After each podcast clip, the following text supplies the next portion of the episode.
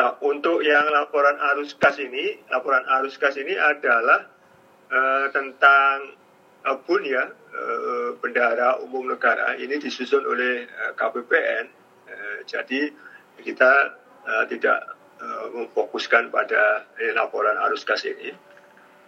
Jadi kalau uh, ini di, dibuat oleh bun, uh, bukan kementerian lembaga ya.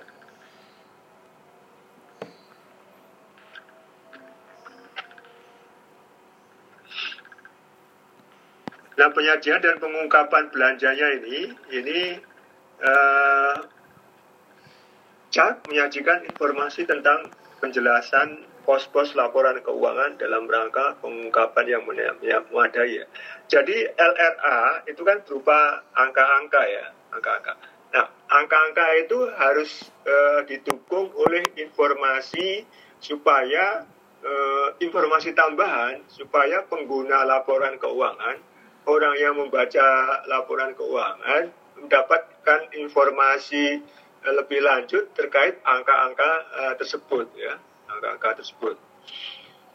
Dan uh, di dalam pengungkapan itu juga antara lain juga me, me, me, ini mengungkap menampilkan capaian kinerja keuangannya ya selama satu satu uh, periode ya. Dari Januari sampai uh, sampai uh, Desember. Dan juga bisa dibandingkan antara tahun yang lalu dengan uh, tahun sekarang.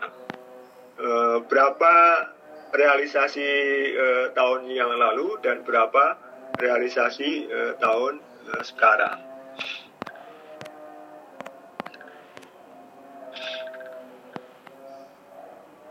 Mengungkapkan informasi yang diharuskan oleh pernyataan standar akuntansi pemerintah yang belum disajikan dalam lembar muka laporan keuangan.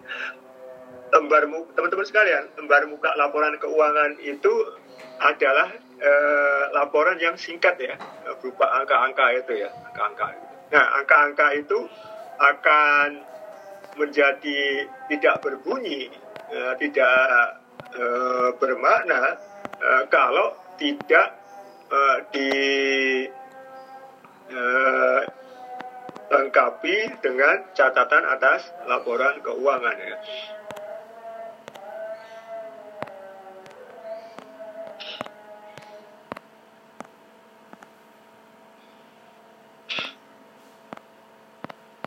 Kemudian ini ada ini ya penyajiannya di CLK Informasi tambahan tentang belanja yang tidak disajikan pada lembar muka laporan keuangan perlu diungkapkan dalam CALK. Ini antara lain rincian belanja menurut uh, organisasi ya, organisasi.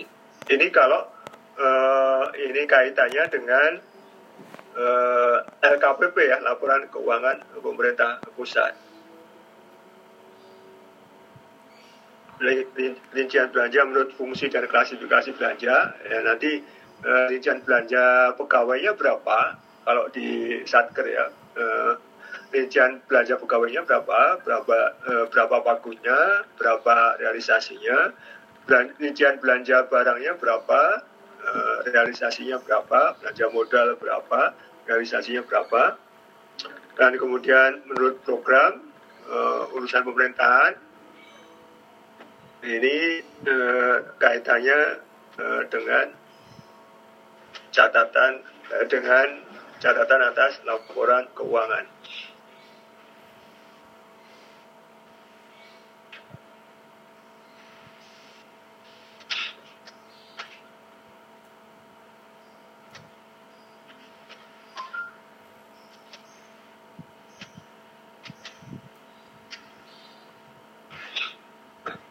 Belanja pegawai ini eh, ini kita sudah tahu teman-teman sekalian ada gaji tunjangan ada honorarium ya honorarium. Lembur ya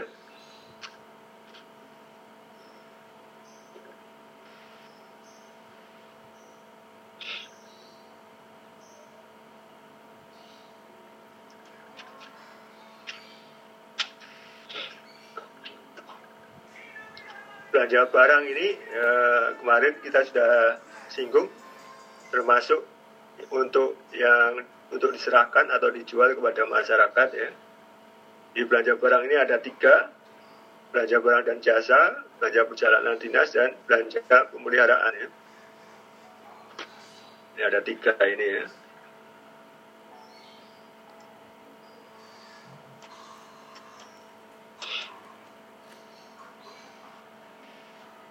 Nah nanti untuk untuk pengungkapannya nanti e, bisa juga di ini ya diungkapkan di JLK ini e, belanja perjalanan dinasnya berapa belanja pemeliharaannya berapa seperti itu.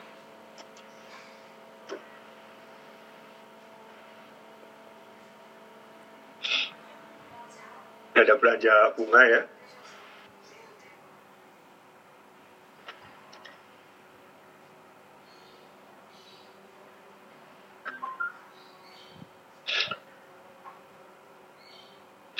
subsidi pemerintah yang diberikan kepada perusahaan atau lembaga ya. Mari kita sudah singgung, misalnya PLN terkait dengan subsidi energi eh, ke PT Pelni atau PT KAI terkait dengan transportasi. Tujuannya untuk membantu biaya produksi, membantu biaya produksi eh, dan eh, pelayanan jasanya agar bisa terjangkau oleh masyarakat. Tiket kelas uh, ekonomi uh, kereta tidak akan uh, mungkin dijual di bawah 100 ribu dalam jarak jauh uh, kalau tanpa subsidi.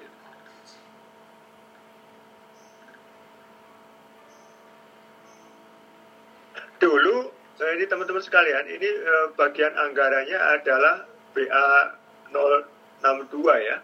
Ya, 62. 062. Nah, sekarang eh, sudah berubah BA berapa? 999. 99 ya.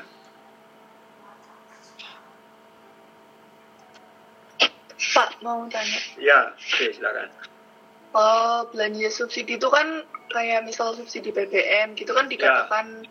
membakar uang gitu ya Pak. Maksudnya um, kayak apa ya menstimulus biar murah tapi nggak ada feedbacknya gitu. Terus kalau listrik itu gimana Pak? Kalau terus-terusan disubsidi itu merugikan negara banget nggak sih Pak? Se kalau terus-terusan iya jelas.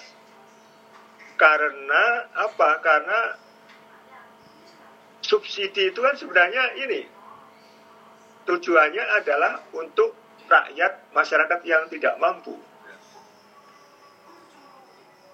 Di mana ruginya? Ruginya adalah kalau masyarakat yang mampu ikut e, menikmati ini, menikmati e, subsidi tersebut ya. Misalnya ini ya, e, teman-teman yang konkret itu ya melon ya. Gas melon itu kan itu kan sebenarnya kan subsidi ya. Tapi banyak ini rumah tangga eh, PNS yang rumah tangga yang mampu itu ya yang pakai ini eh, subsidi itu eh, gas melon itu. Nah ada trade off kalau eh, subsidi itu eh, di ini dibiarkan terus maka kesempatan untuk membangun infrastruktur itu kan e, tidak ada ya. yang seharusnya bisa dipakai untuk e, me, membangun infrastruktur dipakai e, untuk membiayai e, subsidi. Nah karena itu subsidinya itu sifatnya selektif, yang benar-benar e, selektif.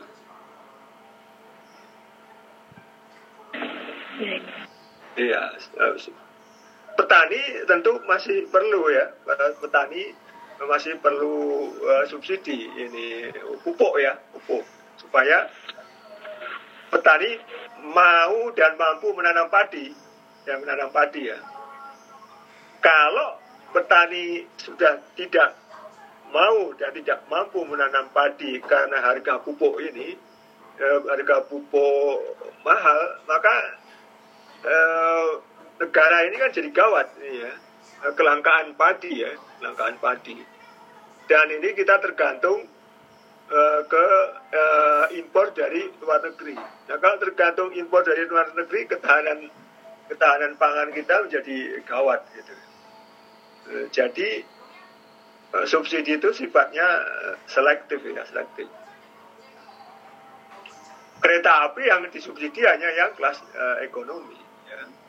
Pelni yang disubsidi adalah untuk uh, jalur pelayaran uh, tertentu. Ya. Listrik yang disubsidi adalah yang 450 uh, ini watt ya. Di atas itu enggak. Nah inilah kebijakan yang ini yang yang bagus itu harus seperti itu supaya uh, yang alokasi uh, untuk subsidi itu bisa dipakai untuk uh, kegiatan yang yang lain gitu ya.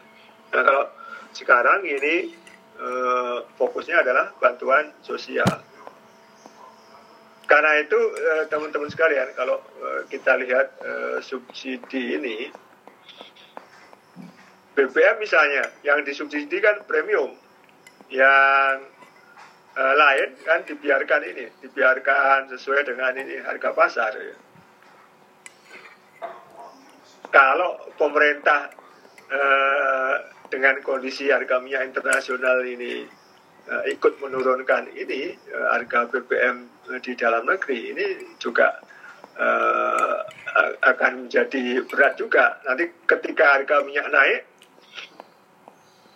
pemerintah akan susah ini uh, menaikkan ini lagi ini ya uh, harga di dalam negeri. Karena itu ya biarkan aja sesuai ini mekanisme pasar. Yang disubsidi adalah cukup premium aja. Ya, yang pertalit ini pertama ya biarkan ini uh, sesuai dengan harga pasar. Gitu.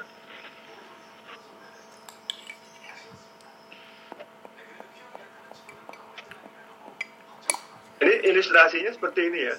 Pertamina menjual bahan bakar berdasarkan harga produksi ditambah margin keuntungan yaitu nah ini ini ini harga yang lama ini. Katakanlah uh, ini ya sembilan ini ya sembilan ribu ya. Tetapi setelah uh, subsidi pemerintah harga turun menjadi tujuh ribu. Nah, dua ribu itu adalah uh, subsidinya. subsidinya.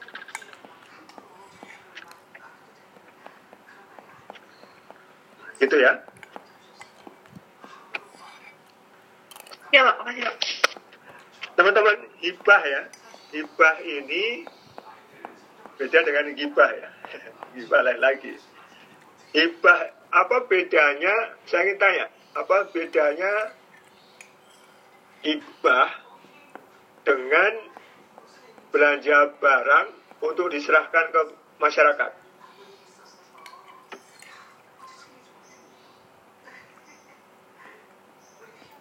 kalau dia mungkin Oke, siapa nih?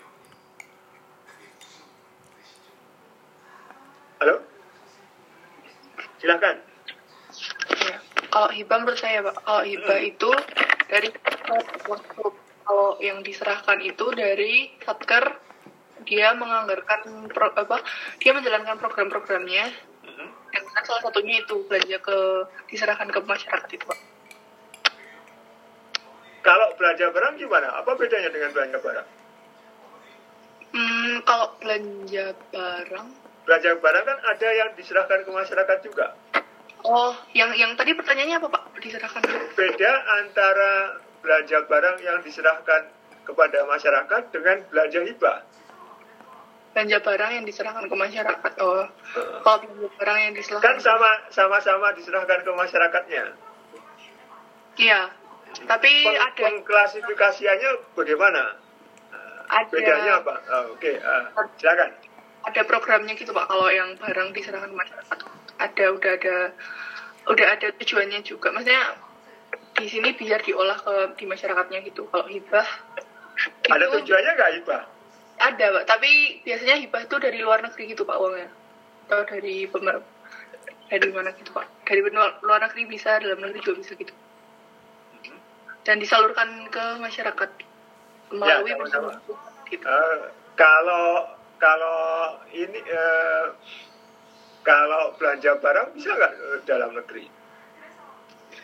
Dalam negeri bisa, bisa sih pak. Nah Tapi udah oke. di itunya anggarannya yang satkernya kalau menurut saya kalau belanja barang itu satker apa sih satkernya yang menganggarkan kalau hibah itu dari pusat gitu pak nanti yang komando utamanya gitu dari dari daerah bisa nggak eh, hibah? Hibah kan itu kan eh, ini ya kan eh, bisa hibah masuk kan bisa hibah keluar kan? ya tapi kalau dari daerah itu berarti uangnya eh, apa ya disalurkan dulu di pemerintah pusat terus ke daerah gitu pak disalurkan di apa ya diteruskan dari pemerintah pusat ke daerah gitu pak kalau nggak salah Ya Eh, ada lagi kita si- siapa nih? Ta- Tadi siapa yang jawab? Priscilla pak Prisil. Ya. Oke, kita tunggu ini jawaban yang lain.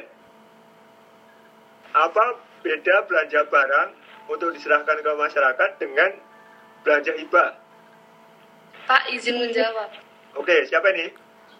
Eh, Devri Pak. Oke, Devri. Ya. Eh, belanja barang eh, yang untuk diserahkan ke masyarakat itu kan termasuk dalam belanja barang persediaan. Oke, ya. Nah, dia itu karakteristiknya itu eh, continue gitu loh Pak, terus menerus.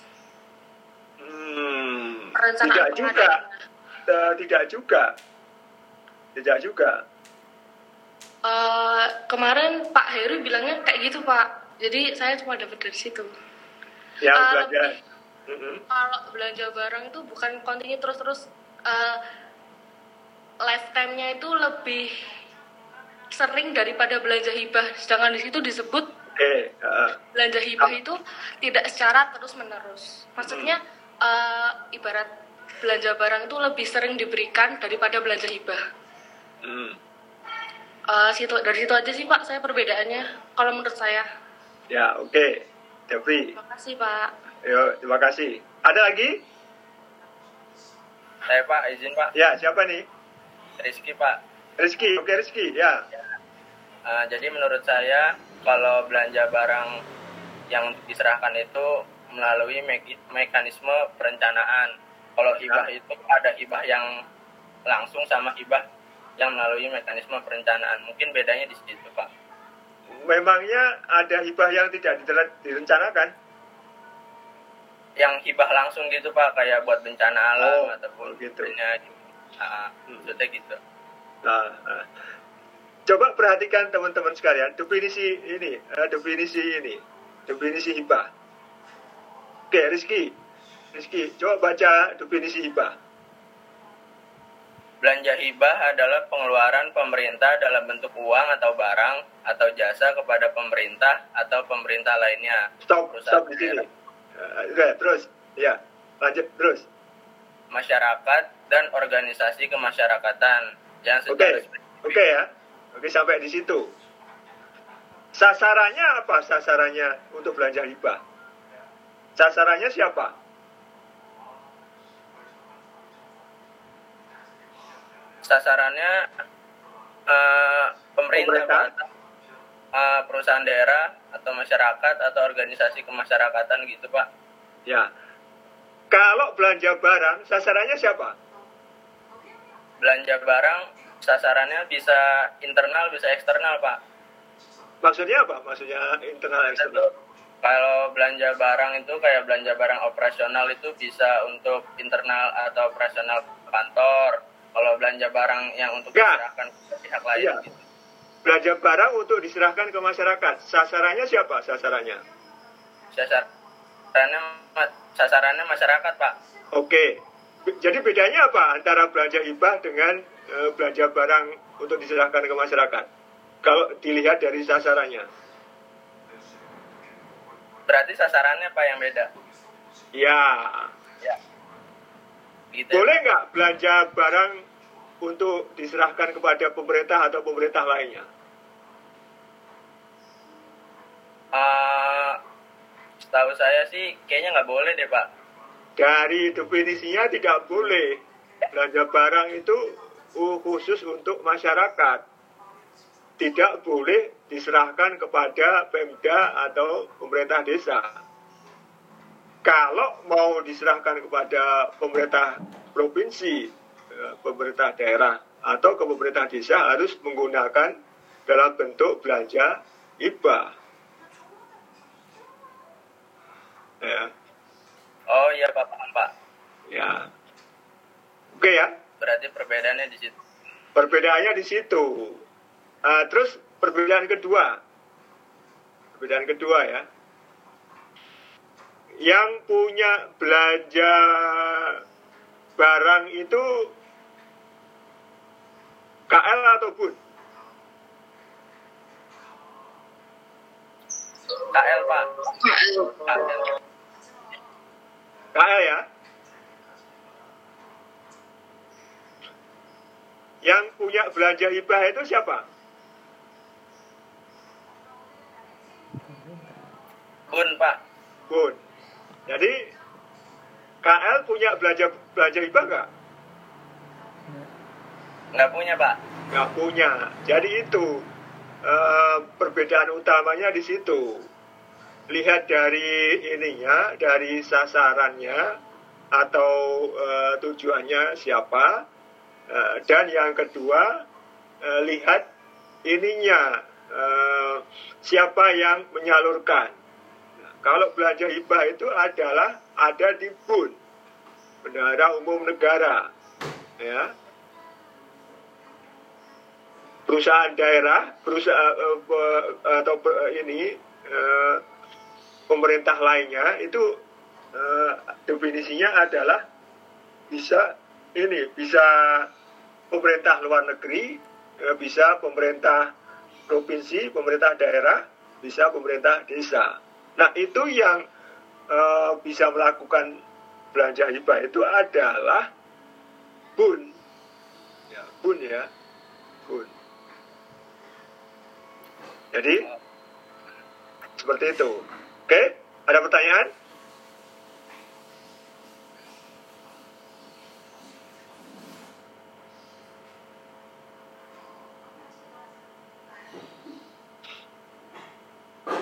Belum ada Pak kayaknya Pak. Ya. Oke ya, eh, paham ya ini ya perbedaan ini ya. Paham Pak. Oke.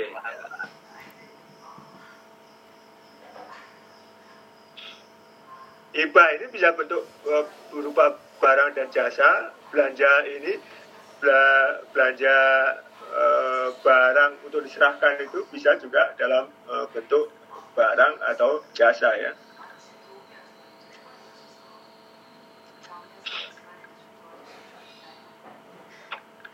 Ini contohnya ini ya, pemerintah pemerintah mengalokasikan dana satu miliar kepada organisasi buana lingkungan yang bergerak di bidang lingkungan hidup ya.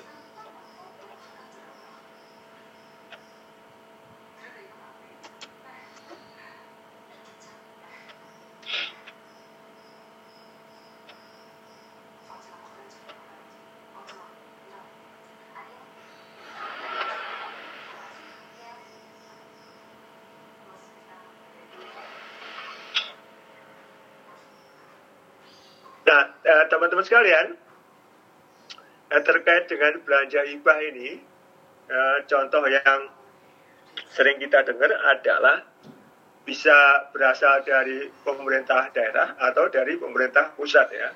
Pemerintah daerah juga memberikan belanja hibah eh, kepada pemerintah pusat. Contohnya apa?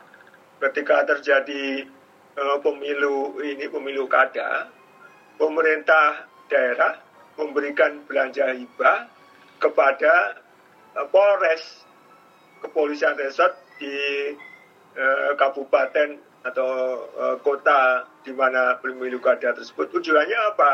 Tujuannya adalah untuk mengamankan biaya pengamanan operasional pemilu kada. Nah itu konteksnya ada pengalokasian Eh, dana untuk Polres itu konteksnya adalah eh, belanja hibah hibah dari Pemda kepada eh, Polres. Polres ini apa? Polres ini adalah entitas pemerintah pusat.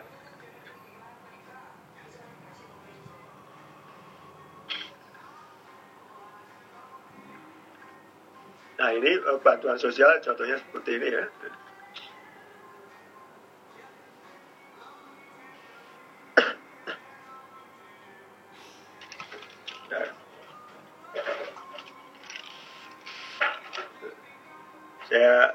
Kehausan nih, saya minum sebentar ya.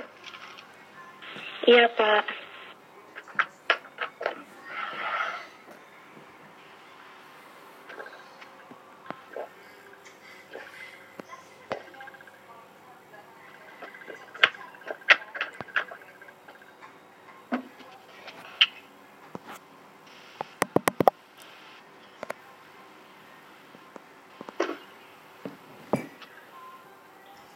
Belanja modal kita kemarin sudah ini sudah uh, uh, terkait dengan uh, ini minimal kapitalisasi aset ya.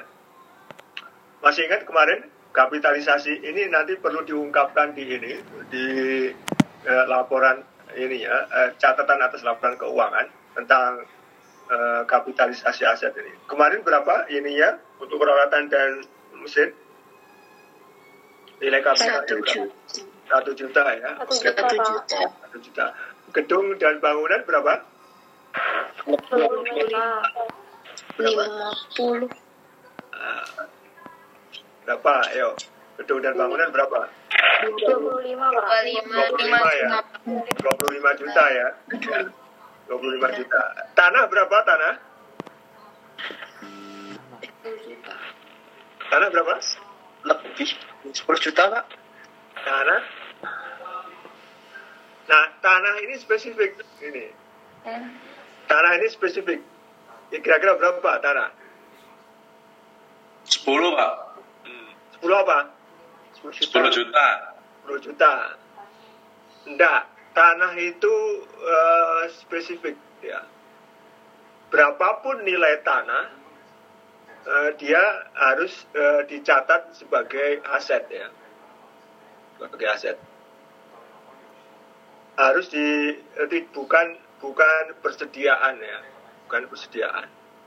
Kalau tanah tersebut dibeli dengan harga ini harga katakanlah ini satu juta maka eh, harus menggunakan belanja modal ya. kalau tanah itu dibeli dengan harga seratus ribu maka dia harus menggunakan belanja modal jadi untuk tanah khusus untuk tanah tidak ada batas minimal kapitalisasi aset jadi berapapun nilai tanah itu harus dicatat sebagai aset dan harus menggunakan belanja modal Nah ini eh, harus diungkapkan eh, dalam eh, laporan eh, keuangan. ya. Kalau peralatan ini eh, satu juta, peralatan dan mesin satu juta.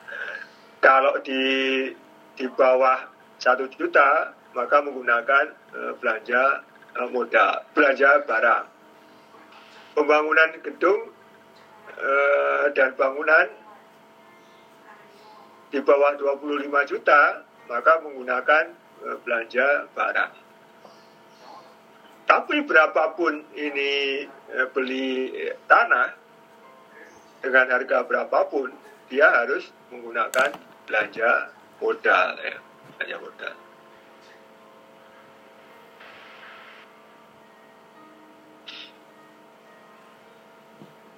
Ini contoh-contohnya untuk belanja modal ya.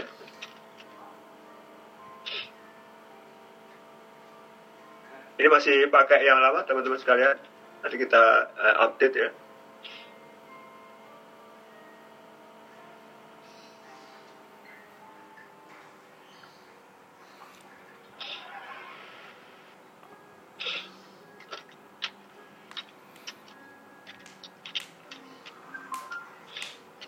Nanti eh, untuk nilai eh, belanja modal ini ada nilai perolehan ya, ada nilai perolehan nilai perolehan itu nanti diungkapkan juga di ini eh, di laporan eh, keuangannya berapa harga beli asetnya dan eh, berapa biaya-biaya yang terkait dengan pengadaan aset tersebut. Nah ini nanti di diungkapkan di ini ya di Eh, catatan atas laporan eh, keuangan.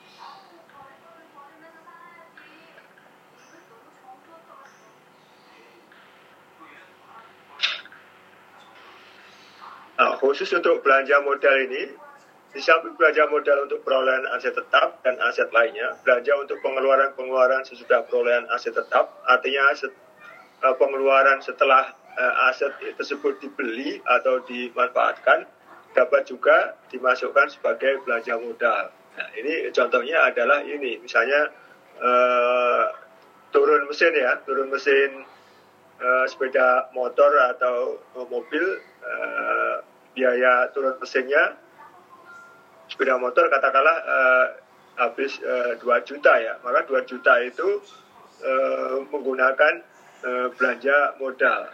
Nah, kenapa harus menggunakan belanja modal? Karena dengan turun mesin tersebut uh, akan uh, berakibat pada bertambahnya manfaat penggunaan uh, dari sepeda motor tersebut. Ya, bisa lebih lama ini ya uh, dipakai untuk operasional uh, kantor.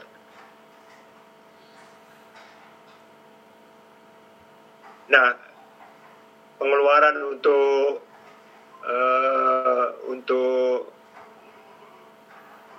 turun mesin tadi itu adalah pengeluaran yang memenuhi batasan minimal nilai kapitalisasi aset tetap aset lainnya ya.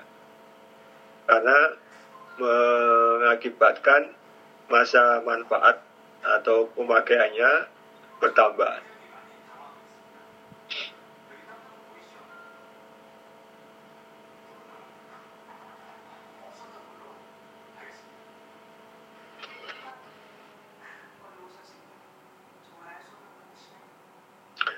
Kemudian terkait dengan belanja modal ini ada contoh-contoh ini teman-teman sekalian.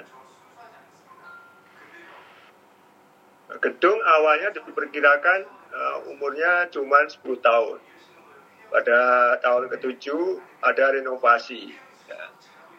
Sehingga nanti diperkirakan akan uh, usianya bertambah 8 tahun lagi. Sehingga ada tambahan 5, ta 5 tahun dari 10 tahun menjadi 15 uh, tahun. Nah, penambahan eh, dana eh, untuk ini untuk eh, renovasi tersebut itu menggunakan belanja modal eh, dan ditambahkan eh, kepada nilai perolehan atau nilai dari aset tersebut. Ya. Contoh yang lain adalah ini genset eh, tadinya outputnya 200 kW setelah dilakukan modifikasi kapasitas kapasitasnya menjadi 300 watt. Nah kalau modifikasi tersebut eh, nilainya lebih dari satu juta, maka eh, modifikasi biaya modifikasi tersebut menggunakan belanja modal.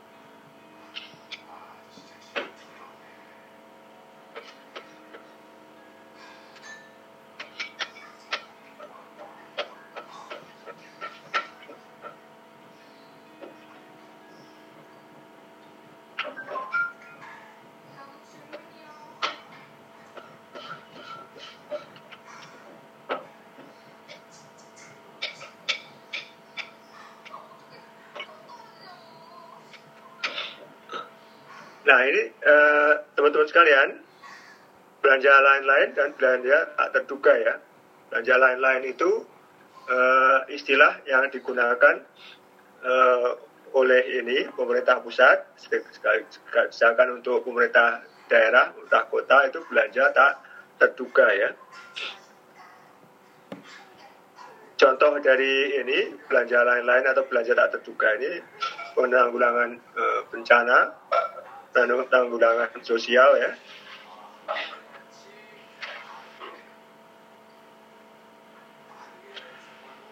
Nah, kalau di Pemda ini ada tambahan ya eh, pasal ini eh, ini di Permendagri belanja untuk kegiatan yang sifatnya tidak biasa atau tidak diharapkan berulang seperti penanggulangan bencana alam dan bencana sosial yang tidak diperkirakan sebelumnya termasuk pengembalian atas kelebihan penerimaan daerah tahun-tahun uh, sebelumnya yang telah ditutup. Nah ini eh, ini yang lama ya, eh, acuan yang lama sudah ada terbit Permendagri yang baru. Eh, nanti kita lihat lagi ini ya pasal-pasalnya.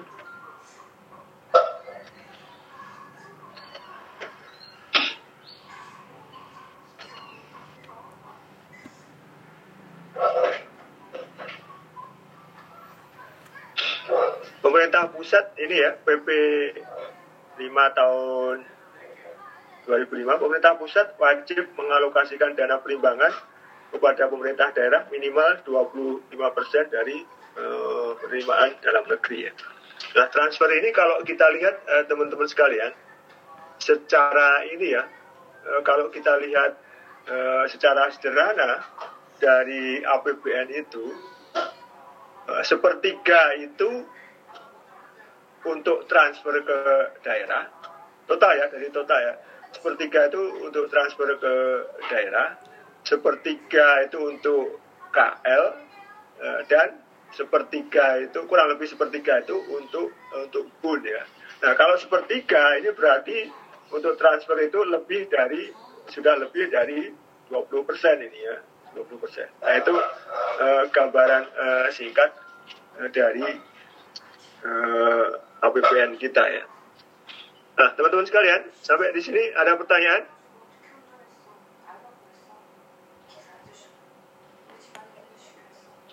Belum, Pak.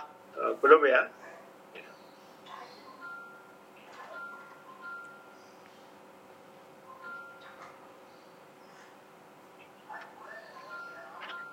Nanti contoh ininya, eh, contoh untuk catatan atas laporan keuangannya, ini saya ini saya sampaikan. Nah, untuk sementara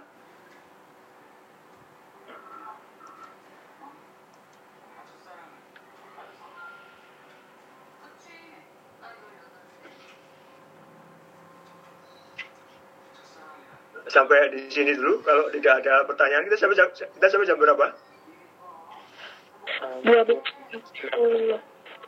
12? 40 ya? 12.50, Pak. 12 12.50 Iya, Pak.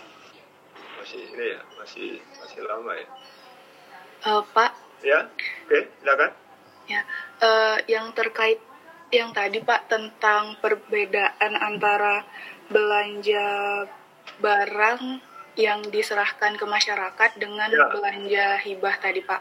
ya Nah, kalau saya lihat di kan tadi salah satu perbedaan yang disampaikan itu bahwa kalau belanja barang itu hanya kepada masyarakat, sedangkan ya, dan tidak tidak boleh ke pemerintah daerah Ya. Pak. Sedangkan eh, kalau dilihat dari bagan akun standar Pak di akun 526 itu Hmm. eh, uraiannya bahwa belanja barang untuk diserahkan pada masyarakat atau Pemda.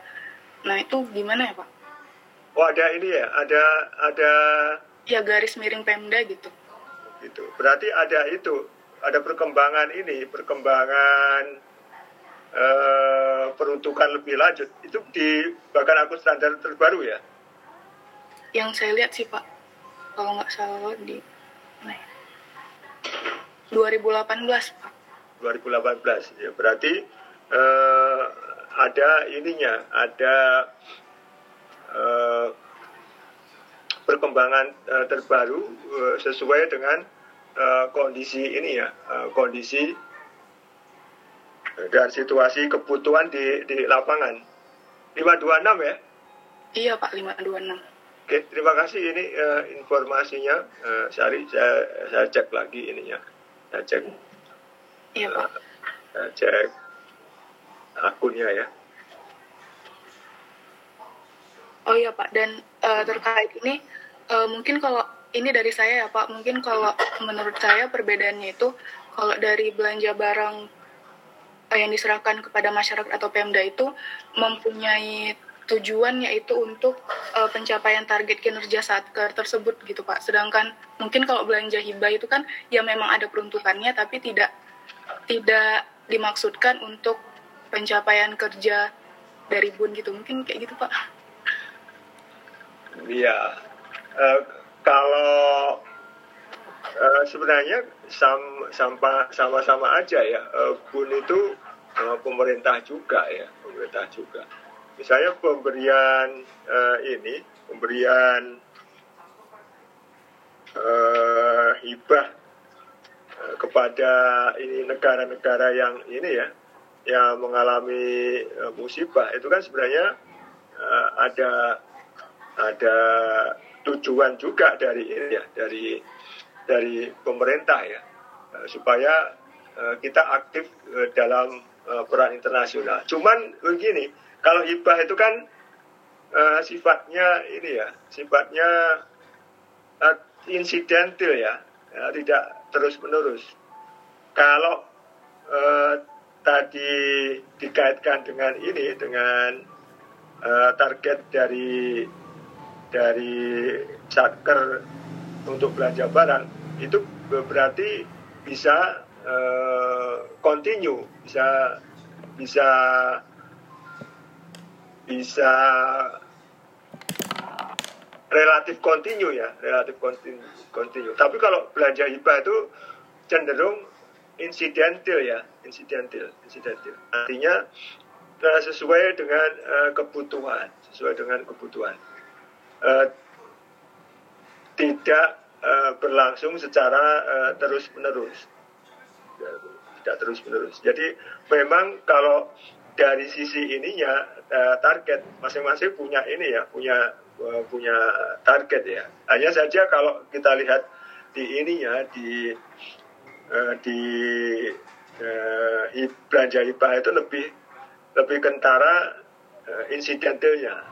Kalau untuk belanja barang yang diserahkan kepada masyarakat itu sudah eh, diran- direncanakan eh, ini direncanakan eh, semula untuk ini untuk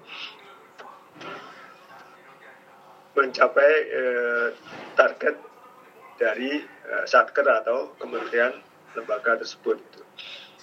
Ya, terima kasih ini ya eh, in- eh, tambahan ini ya informasinya. Iya Pak, terima kasih Pak.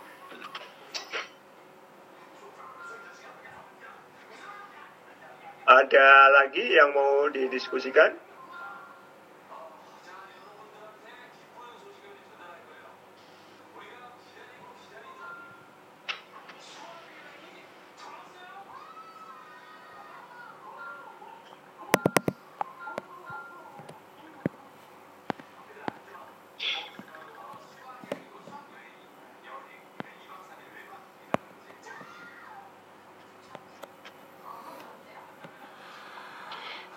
Ada ini teman-teman sekalian. Eh, ada kasus misalnya seperti ini. Satker pemerintah pusat eh, pinjam eh, gedung eh, milik ini ya milik eh, Pemda ya milik eh, Pemda sudah dilakukan eh, perbaikan eh, perbaikan ya menggunakan ini menggunakan eh, belanja modal ya menggunakan belanja modal. Nah suatu saat ini si ini ya si satkernya ini eh, pindah ya pindah dari gedung tersebut karena sudah eh, sudah mendapat atau membangun gedung baru ya. Nah, belanja modal yang dipakai untuk renovasi itu, re- renovasi eh, gedung milik eh, Pemda tersebut yang dipinjamkan, itu statusnya bagaimana? Apakah dicatat di ini di neraca satker yang bersangkutan atau dicatat di Pemdanya? Sepertinya yang bersangkutan Pak, bukan di Pemdanya Pak. Kenapa? Karena pinjam Pak, bukan serah terima. Pinjam. Nah, tapi kan eh, definisi aset itu dipakai untuk operasional dari satker tersebut. Sementara si satker tersebut kan sudah tidak menggunakan eh, gedung ini, gedung Pemda yang dipinjam. Dia sudah dapat gedung baru. Tapi ketika dia merenovasi gedung ini, gedung Pemda tersebut, dia menggunakan belanja modal.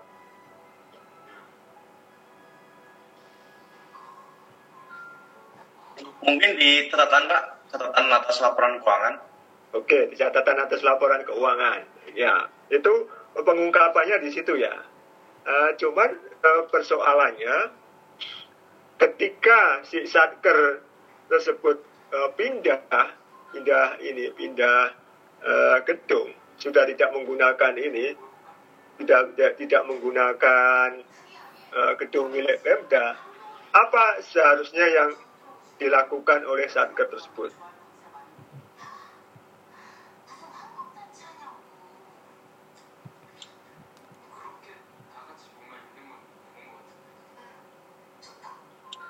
Mungkin kurang tahu Pak. Bisa nggak kira-kira ini eh, pakai ya Sari mungkin mau jawab? Eh, mungkin harus dilaporkan ke pengelola barang nggak sih Pak? Boleh. Eh, dilaporkan oleh ke pengelola barang ke DJKN ya. Terus laporannya apa?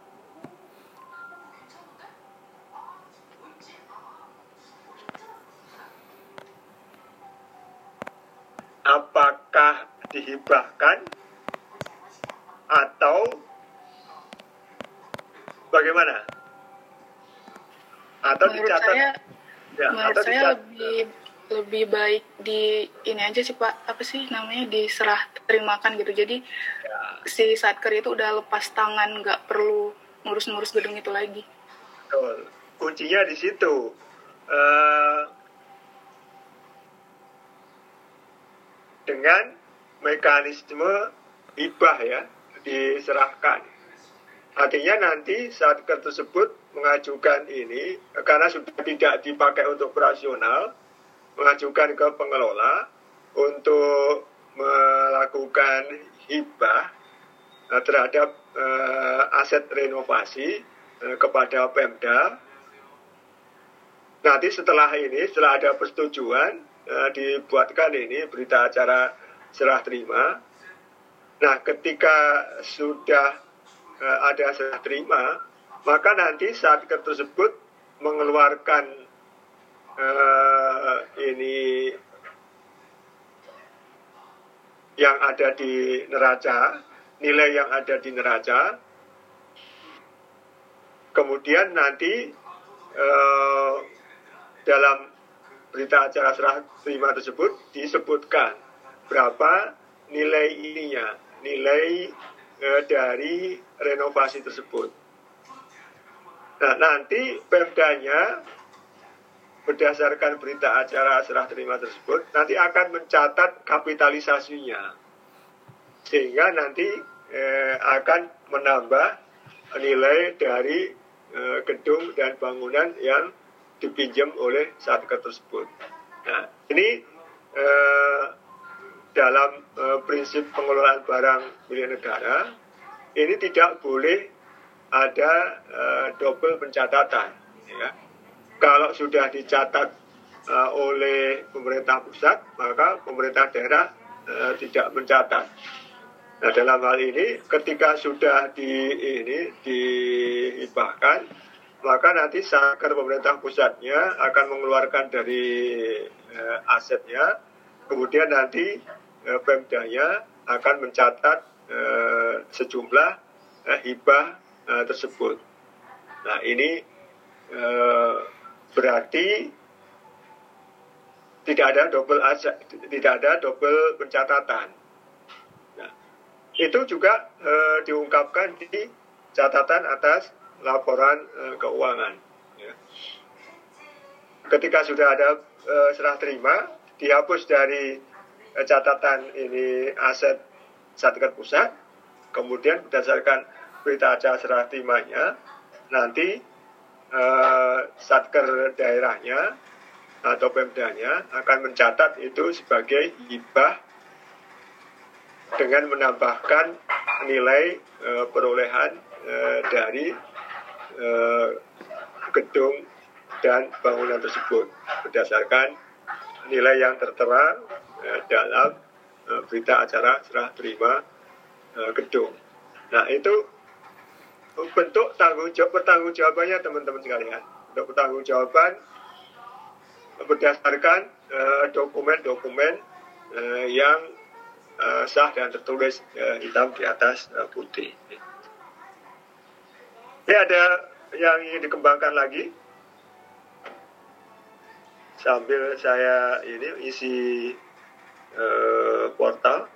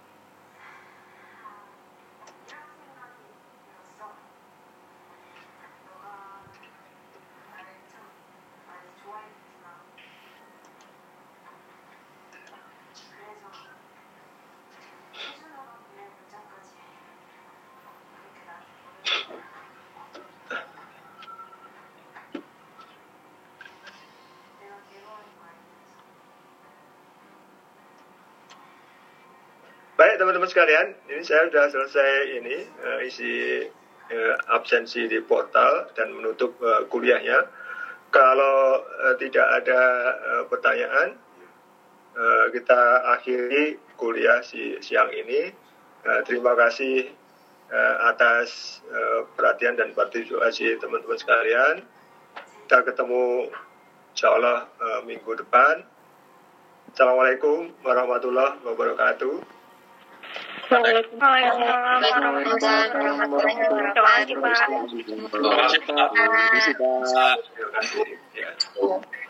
Terima kasih, Pak. Terima kasih. Terima kasih Pak. Terima kasih.